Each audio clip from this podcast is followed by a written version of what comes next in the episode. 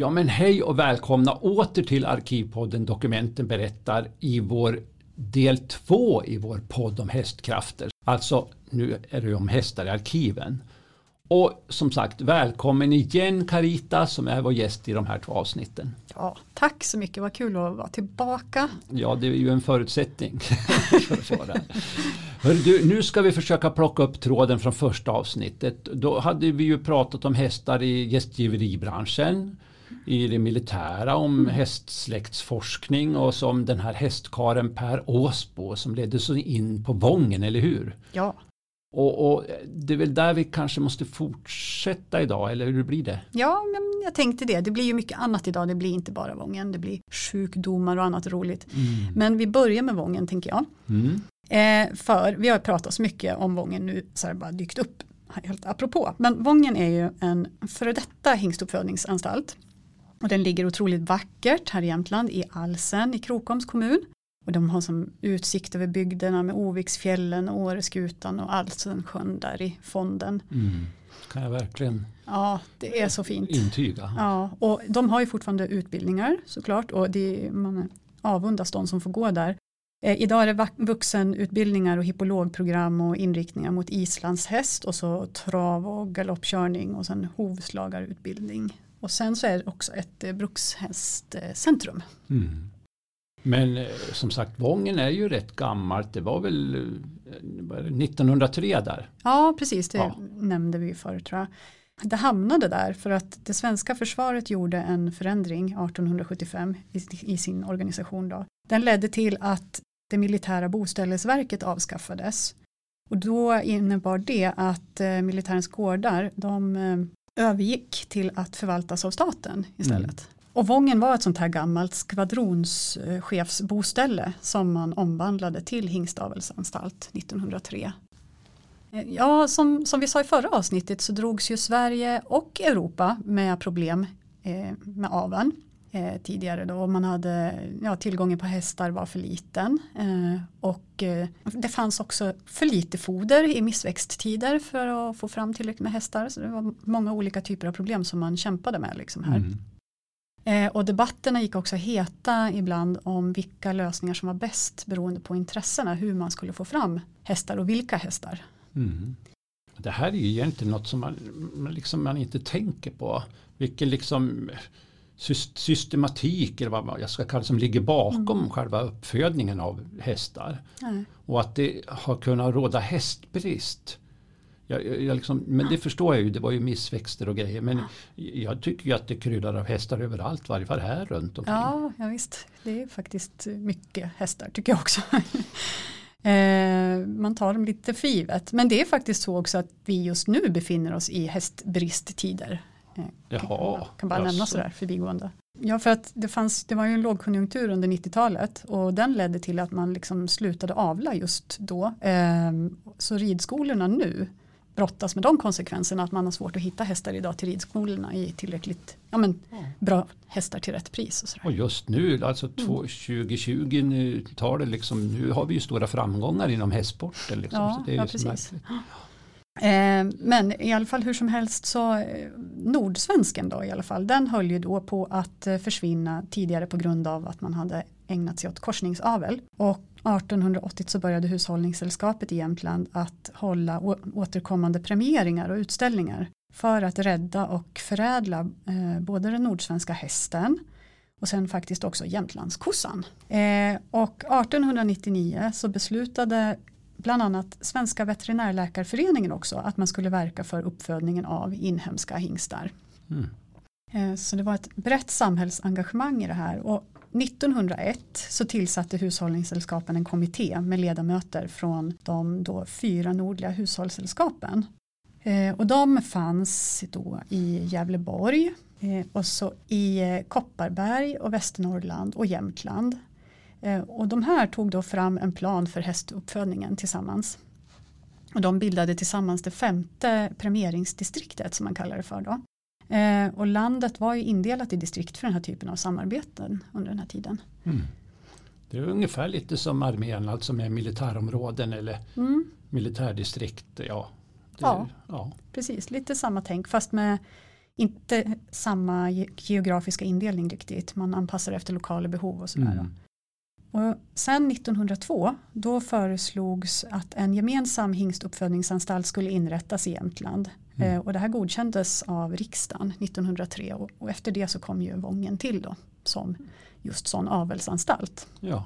Eh, och målet där blev då att man skulle avla fram de här starka arbetshästarna både för militären och till skogs och jordbruk och att få system och planmässighet i det här arbetet som man skrev i en jubileumsskrift 1943. Och som vi nämnde tidigare så hade man ju gjort eh, massor med försök då att importera och korsa in stora europeiska raser som ardenner och shire och sådana. Mm. Ehm, och det ledde till försämringar i egenskaperna hos de här eh, korsade eh, framavlade hästarna i Sverige. Mm. Eh, så med tiden så såg man att nej, vi behöver återgå till en ren avelsprincip helt enkelt. Det låter lite hemskt ändå, men ja.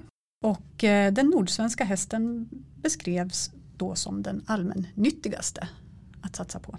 Okej, okay, det är alltså en, en allround-häst med andra ord? Ja, passar alla. Mm. Liksom. Eh, men man sa att den var rörlig och energisk och uthållig och lättfödd och hållbar. Och sen var den säker på sina fötter. Och så hade den en betydande muskelstyrka också. Och så berättar man också att eh, staten hade funnit det förenligt med sina intressen att understödja just den nordsvenska hästaveln genom icke obetydliga ekonomiska bidrag i olika former. Och så har jag lite mer citat här. Ehm, de skriver att staten bidrar med penningpris med mera till premierade nordsvenska hästar, beteckningsbidrag för framstående nordsvenska ston, bidrag till hingstföreningar, bidrag till gemensamhetsbeten för nordsvenska unghästar och uppfödningspremier för nordsvenska ackordhästar. Mm. Stor eh, satsning kan man säga. Ja, verkligen. Och så 1903 eh, så köpte Vången då in 20 hingstföl eh, och de här eh, hingstarna som växte upp och togs fram där de började säljas sen över hela landet och även till Europa också. De hade, deras kanske mest kända hingst, den hette Valde 643 och han visades upp 1927 och han vann första pris i sin klass och kom att bli liksom idealtypen för en nordsvensk hingst. Mm, så Nordsvensken, eh, det är alltså en jämte? Alltså en, ja, det är den. Fast med god hjälp från Norge och vårt norska ursprung. För vi fick liksom ta in Gudbrandsdalska hingstar från Norge att avla på eftersom våra egna hade blivit av så dålig kvalitet under den här korsningseran. Liksom. Men de här norska Gudbrandsdalska hingstarna, de var höll måttet. Det var de man ville liksom avla på. Då. Mm. Så det var tillåtet. Alltid detta Norge kommer ja, alltid in. Det är så typiskt. ja. alltid vara bäst i allt. Ja, ja när, man, när man avlade fram hästar så behövde man ju också bedöma kvaliteten på dem. Vet du hur, hur funkar det där? Eh, det gjorde man ju, man bedömde dem definitivt. Och man började tidigt med premieringar, eh, som det hette då. Och sen så kallade prestationsprov. och de gjorde man både i drag och trav. Och vi har jättemycket spår av det här i arkiven för man bokförde alla de här resultaten från proven och utställningarna och premieringarna och det här. Och så gavs det ut eh, för varje tillfälle. Man, man skrev ner eller tryckte det också. Och de här utställningarna alltså då, de här katalogerna, de har vi alltså i tryck, man kan se dem alltså? Mm, det finns massor, jättefina med bilder och de är väldigt påkostade. Ja, vad roligt. Ja, och det var ju andra saker man kostade på också, inte bara broschyrerna utan specialutrustning. Så 1946 så byggde man på Vången ett stationärt gångspel för att bedöma draganlag och så mäta maximal dragförmåga hos hästarna. Eh, och det här gjordes tillsammans med körprov där hästarna drog timmerlass i snö eh, och i brant stigning och sen med inlagda grushinder också. Mm. Eh, och sen så utförde man travprov på Alsensjöns is där man samtidigt testade också rörligheten och travegenskaperna hos hästarna ute på isen. Då. Mm, det skulle vara kul att ha sett det där, ja, sett hur det såg ut. Verkligen, häftigt. Ja. Och sen efter de här uppvisningarna och testerna då höll man avslutande auktioner på de här godkända Vångenhingstarna. Då. Det gjorde man bland annat vid sådana här stora vårpremieringar. Det blev ett jätteevenemang i Östersund eh, med omnejd. Och de här hölls från 1929 och så fram ända till 60-talen. Mhm. Ehm, ja, och det var rejäla folkfester med åskådare som kom resande från hela landet. Mm, ja, så där ja. ja. Jag kan ju tänka mig, vi har ju en del foton på sådana här evenemang. Mm. Och då är det ju eh, liksom på något som jag vill minnas, det är ju liksom, det är verkligen folkvimmel som du säger. Ja, Och det verkar ju vara massa roligheter och festligheter kring det här. Då. ja. ja, man skulle verkligen vilja att det var där. Mm. Eh, och den här publika hästsporten som vi ser idag, eh, den har liksom med tiden vuxit fram till stor del som ett resultat av de här olika prestationsproven och evenemangen som man hade då. Mm.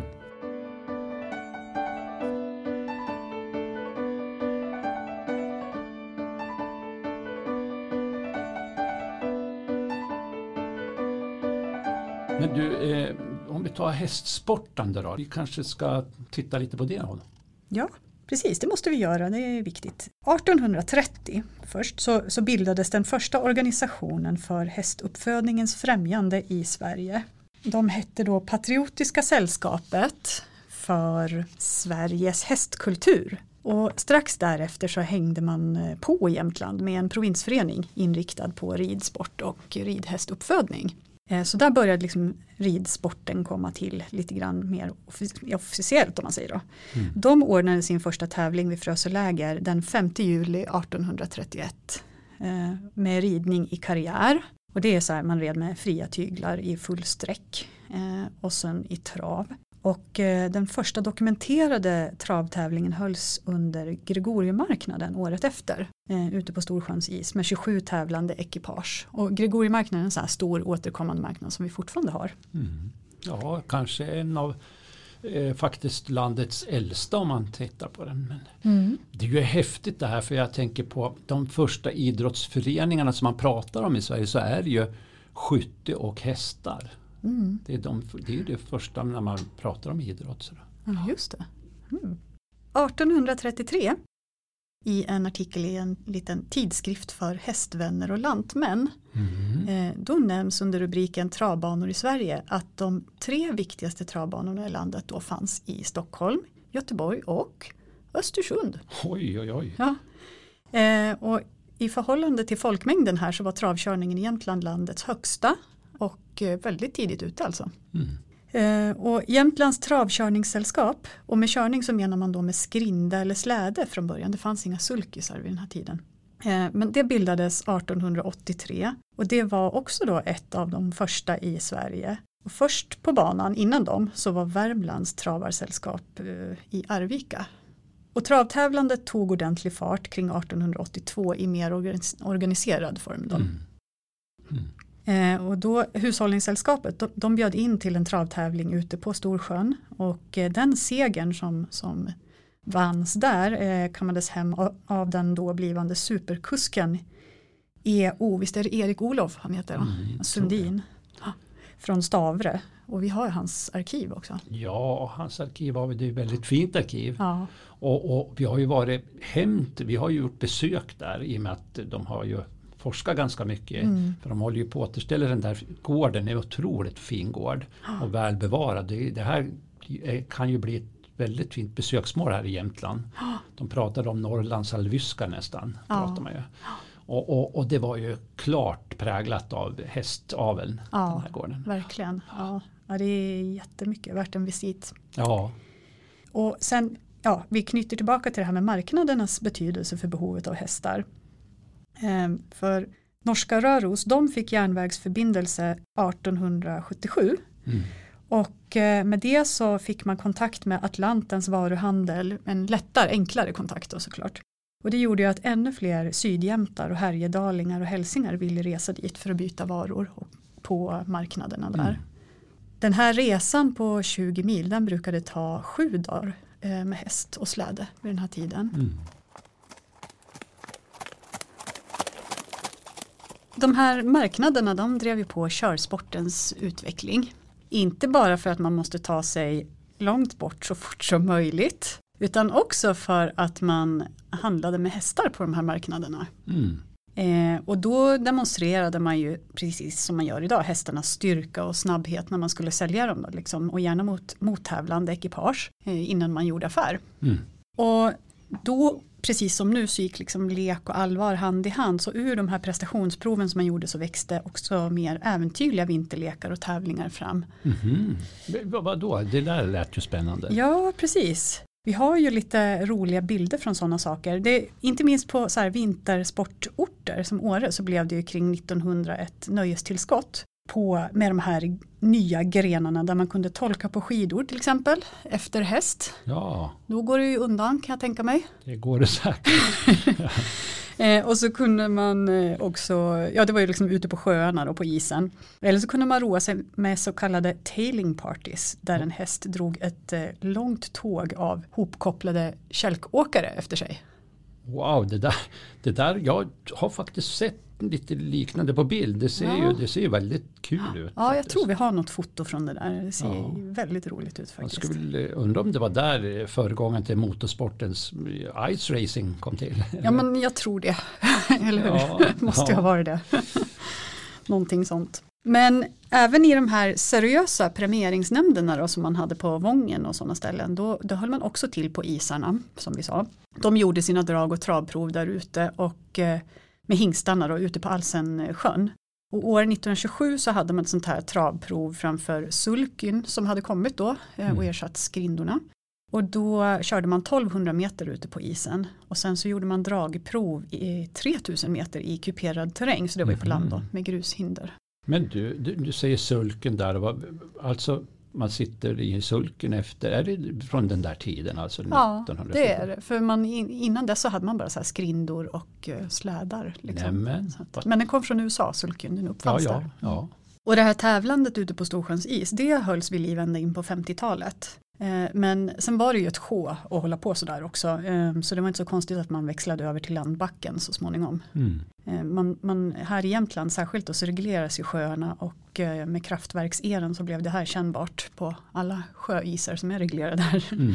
Ja. Under 1900-talets första hälft framförallt. Och det blev stora nivåskillnader och instabila isar med dålig kvalitet och sådär. Mm innan dess så var det inte heller lätt. Liksom banorna skulle ju mätas upp och dras på nytt för varje tävling och sen så skulle man ju ploga och ploga och ploga och alla skulle ut på isen, alla hästar och människor och utrustning och, och grejer, eh, material och domare och åskådarna inte minst. Liksom. Det krävde ju starka isar helt enkelt, annars kan det bli katastrof.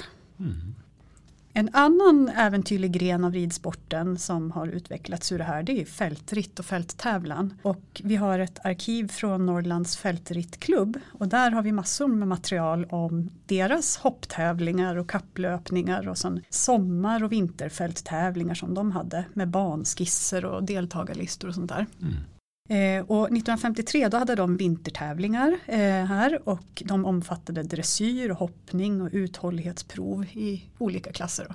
Eh, och det är väldigt uppenbart när man tittar på det här materialet så ser man direkt varifrån det här kommer att det är militärt ursprung. Mm.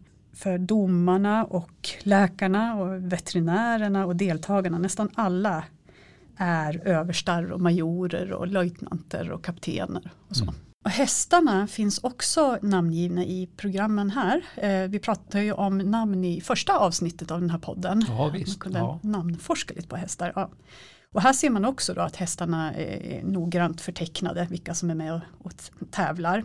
Har du några exempel då? Liksom? Ja, det fanns en liten äh, vågad Fänrik Grönlund 1953. Han, han tävlade med en häst äh, som hette Malheur. Och det betyder olycka på franska. Ja, det, det är man lite skrockfull skulle man kanske inte sätta sig på den. Nej, då. jag vet inte. Men han var vid K4, han var mm. modig skulle man vara då. Mm. ja, vågad var man. 1913 så fanns det ju såna här lite mer halsbrytande grenar också som skidkörning efter häst mm. eh, och steeplechase eh, hade man också med. Och steeplechase det är ett slags galopplopp med hinder i terräng som en, ja, en form av fältritt. Eh, och sen kan man också se den här militära storslagna andan i menyerna från de här gubarnas luncher. Vi har kvar menyerna också i det här arkivet och eh, då kan man se att man unnade sig livets goda när man väl eh, kunde. Så de serverade homard frais, alltså färsk hummer och sen sås majonnäs och så drack man moët och chandon bland annat. Mm.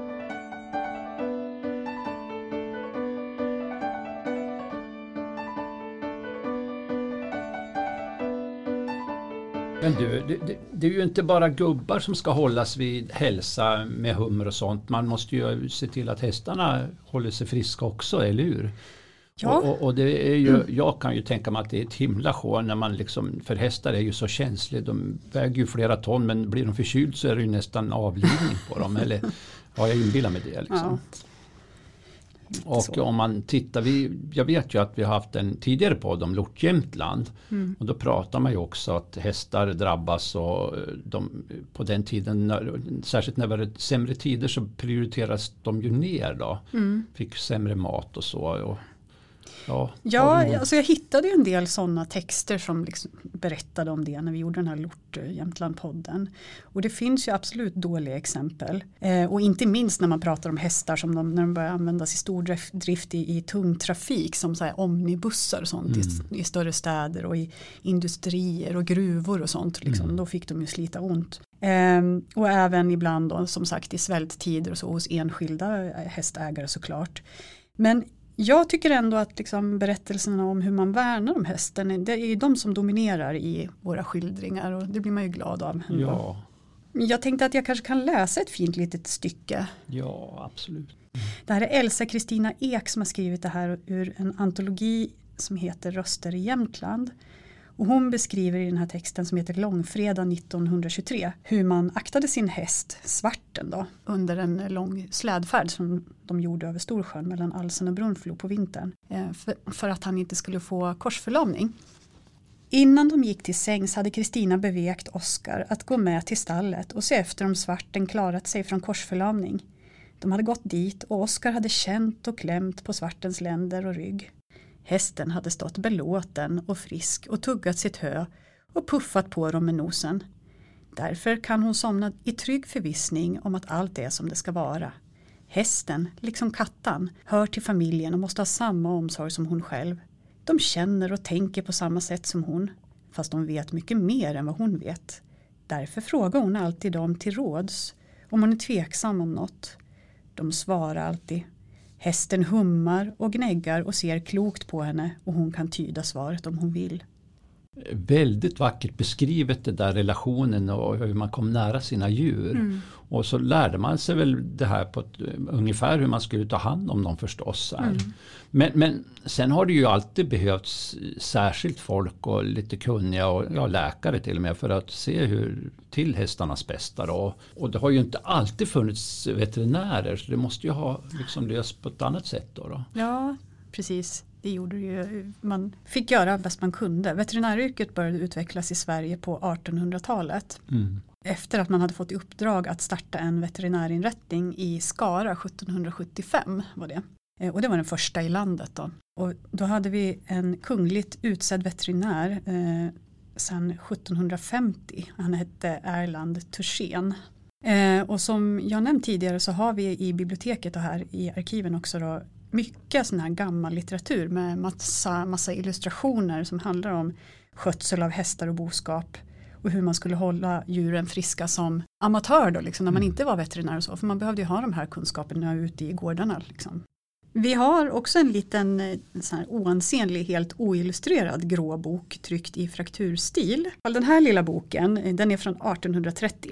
Den är fullsmockad med hästkurer. Eh, den heter Underrättelse om husdjurens allmännaste sjukdomar med deras kännetecken, orsaker och botande utgivna av A. Staffansson, djurläkare.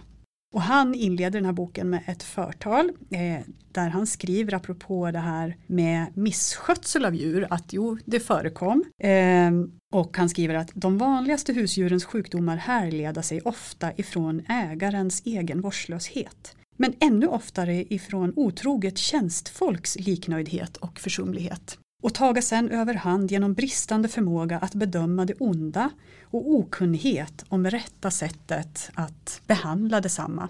Han förklarar då att eh, den här boken den ska vara till nytta för dem som har långt till någon kunnig djurläkare så att de slipper anlita kvacksalvare. Mm. Helt enkelt.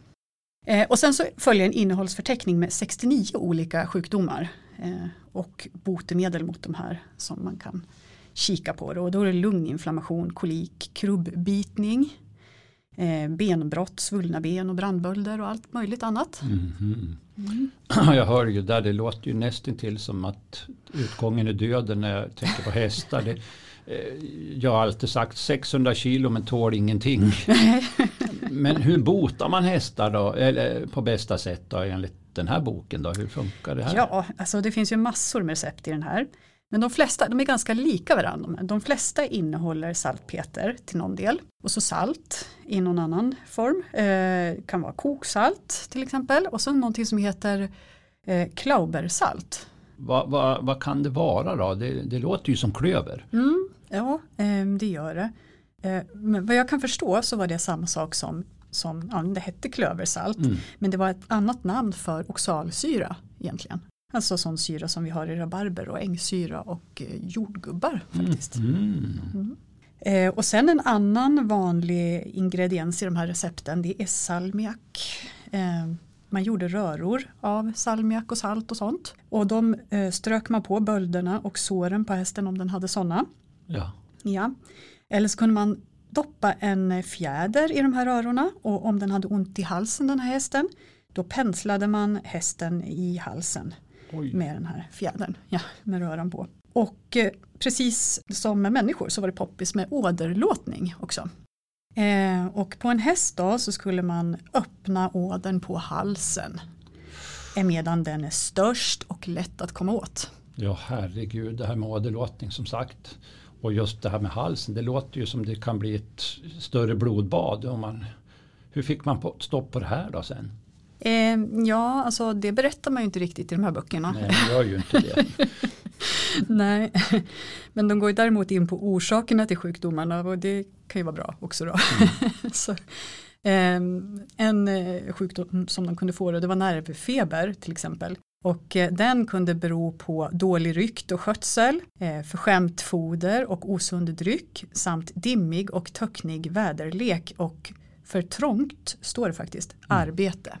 Eh, och den här nervfebern kunde man lindra på lite snällare sätt med valerianarot och pepparmynta och kamomillblommor. Mhm. Ja, det där är ju örter jag känner igen. Man använder det ju här än idag i naturläkemedel och Mm. örtteer till exempel. Kan ju lugna och göra gott. Ja. ja, och sen om hästen hade fått rötfeber till exempel, det påverkade tydligen eh, lungorna och levern och mjälten. Eh, då skulle man försöka bota den med att röka svavelsyra i rummet där hästen stod. Jättebra. Eh, och så kunde man också låta hästen sniffa i sig ättiksångor. Vad glad den skulle ha blivit. Ja, och så står det så här. Vilka frambringas därigenom att man dryper ättika på varma tegelstenar som hållas under djurets näsa. Mm.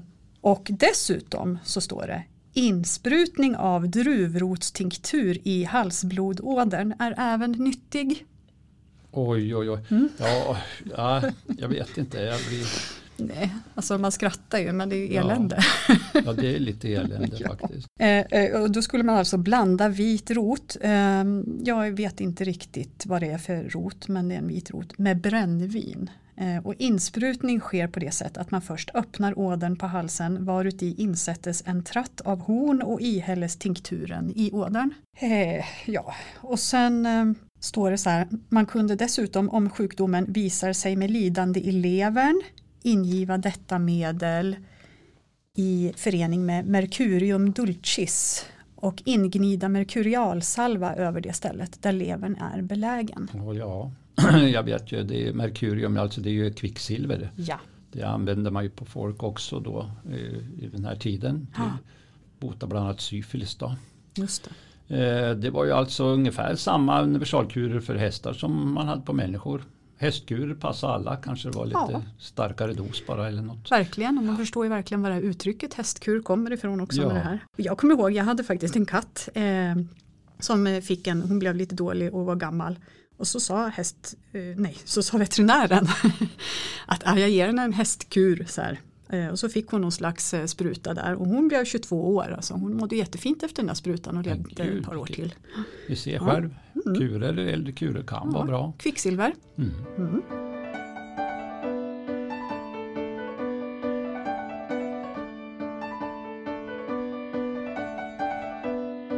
Eh, nej men allvarligt talat så växte ju veterinäryrket fram med tiden tack och lov då. Eh, och inte minst tack vare militärkåren som verkligen behövde de här kunskaperna. Och eh, en eh, del av de första veterinärerna som utbildades de hamnade ju inom armén. Under det stora nordiska kriget till exempel 1700 till 1721 mm. så vet man att livregementet till häst förlorade eh, 2425 hästar under de första sju åren. Så det var en enorm förbrukning. Ja, på, ja, och de som inte dog var ju allvarligt skadade i massor också. Ja, att, ja men det förstår man ju. Gud vilket svinn på djuren. Ja, ja verkligen.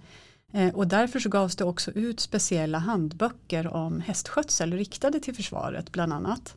Eh, och nu sitter jag med en liten nätbok från 1876 i min hand. Ja, det här, jag kan ju läsa för er. Den heter alltså Lärobok ute hästkännedom. Att begagnas som lärobok vid undervisning i kavalleriets skolor. Mm. Precis. Och i den så beskrivs ju hästraser och anatomi och fysik och hälsa med små fina skisser och illustrationer. Ja, titta nu öppnar hon. Ska vi kolla. Eh, det är ju en del roliga Ja, har du något exempel här? Det ser ju väldigt trevligt ut, den här boken. Eh, ja, verkligen. Alltså, det finns mycket roliga exempel i den här. Eh, bland annat så kan man se hur hästar inte skulle se ut enligt rådande ideal i den här. Ja. Ja, bland annat får man då lära sig att en häst kan ha fårhuvud, eh, gäddhuvud, ox eller svinhuvud kära lyssnare, ni hörde vad Carita sa, fårhuvud ska inte en häst ha, han ska inte ha gäddhuvud, ox eller svinhuvud. Nej, det är inte bra om de har det. Gäddhuvud var väl kanske extra illa tycker jag, men ja. här står det så här.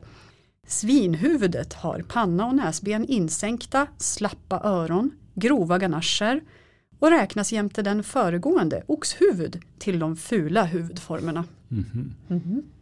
Och så ja. finns det ju bilder på de här stackars huvudena här. Ja, det gör ju det. Alltså, mm. jag, vi tittar på en bild av en häst med typiskt svinhuvud här. Ja. Och det ser ju liksom ut som en korsning eh, av ett rådjur eller en kossa. Jag vet inte. Jag undrar om de verkligen hade fått tag han, han har sett den hästen här som gör den här illustrationen. Nej, jag tror att han tog en kalv.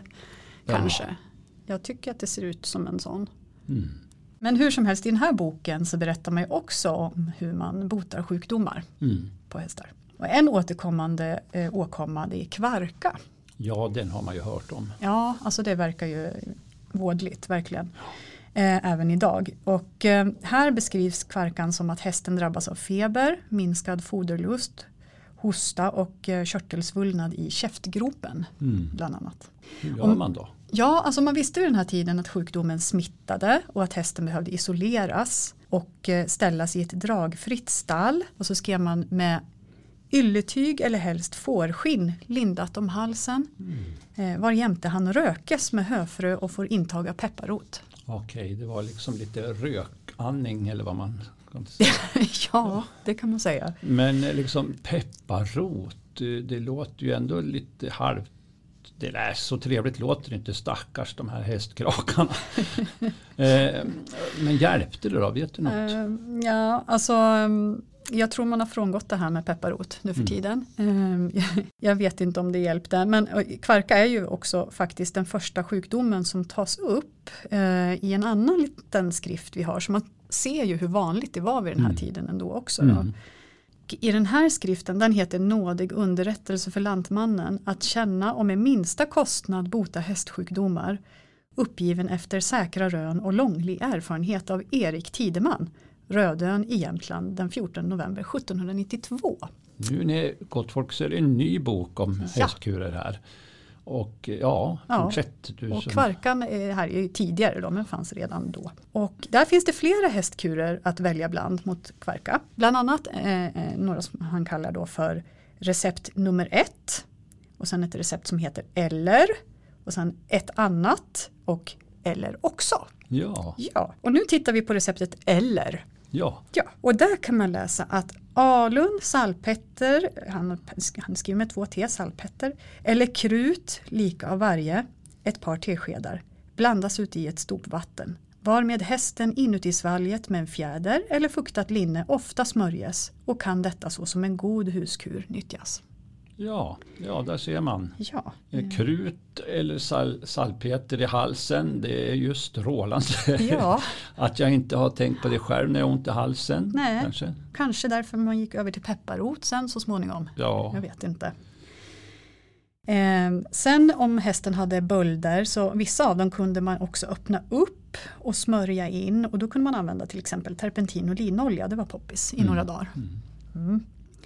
Och sen kunde man också prova, med betoning på prova, att bota benbrott på hästar. oj oj oj. Ja. Och då smorde man också in dem med sådana här medikamenter med salpeter och eh, krut eller ja, andra saker då. Eh, så smorde man benbrottet med det förutsatt att det sker, vid, alltså benbrottet då sker vid nedre ändan av skenbenet. Annars var det obotligt.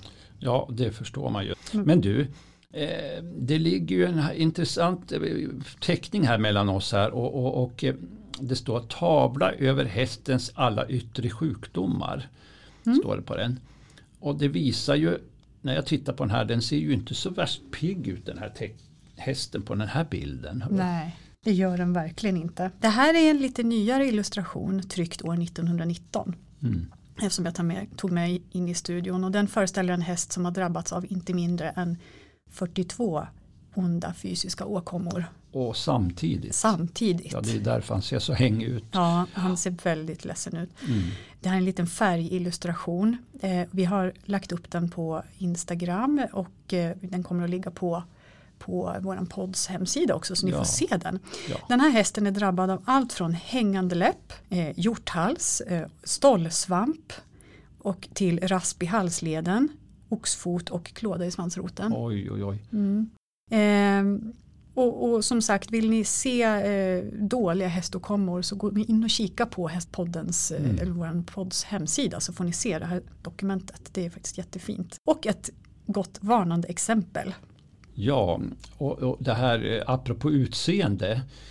Idag är ju de här hästarna man ser i sportsammanhang, när man tittar på sport och så här, så de, de ser ju ofta mer åt varmblodshållet ut. Alltså menar, mer liksom black beauty än man säger gamle svarten då. Hur blev det så, alltså efter alla de här ansträngningarna där man har försökt bevara den, den lite kralligare nordsvensken, vad, vad, hur blev det så här ändå? Ja, precis. För att knyta an lite till det här med aveln och det som Ja. vi pratade om tidigare. Ehm, jo, men det har ju ändrats en hel del och ända sedan stormaktstidens nyttjande av hästar i krigen så förde man ju diskussioner runt det här med för och nackdelarna med bruks och sporthästar och alltså varmblod och kallblod och sådär som vi har hört tidigare i podden. Eh, militären behövde ju både snabba och rörliga hästar och samtidigt så skulle de vara starka och uthålliga. Och de skulle ridas på av ganska stadiga militärer som vi också nämnde då. Eller dra tungt. Och när man tog fram nordsvensken som ideal så rådde det ju ändå delade meningar om förträffligheten i vissa läger. Det var också länge en hästras som inte var särskilt homogen. Mhm.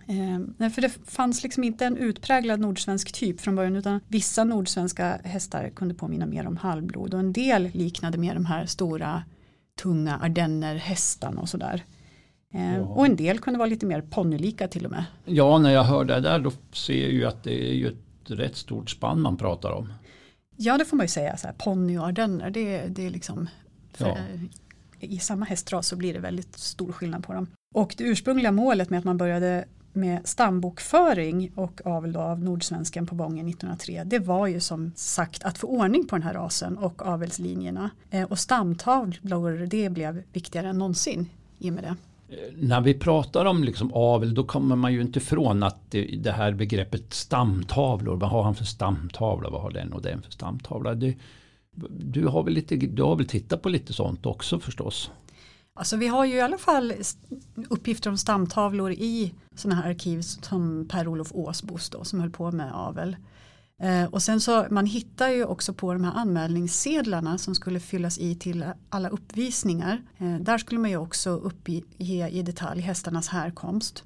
Så vi har en sån här anmälningssedel där man kan se- se att en hingst som hette Element, han eh, var uppfödd på Vången.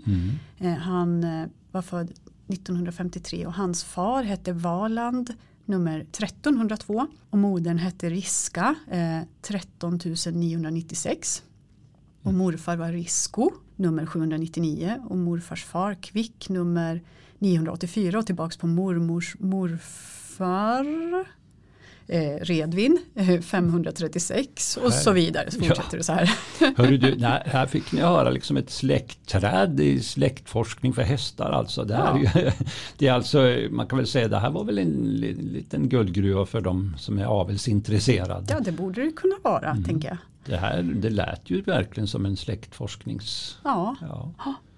Men som jag var inne på tidigare så även om man ville liksom renodla rasen och avelslinjerna så, så blev det så med tiden att eh, det blev lite splittrat. De här behoven med vad man vill, ville få fram för sorts häst de eh, delade sig, liksom skilde sig åt.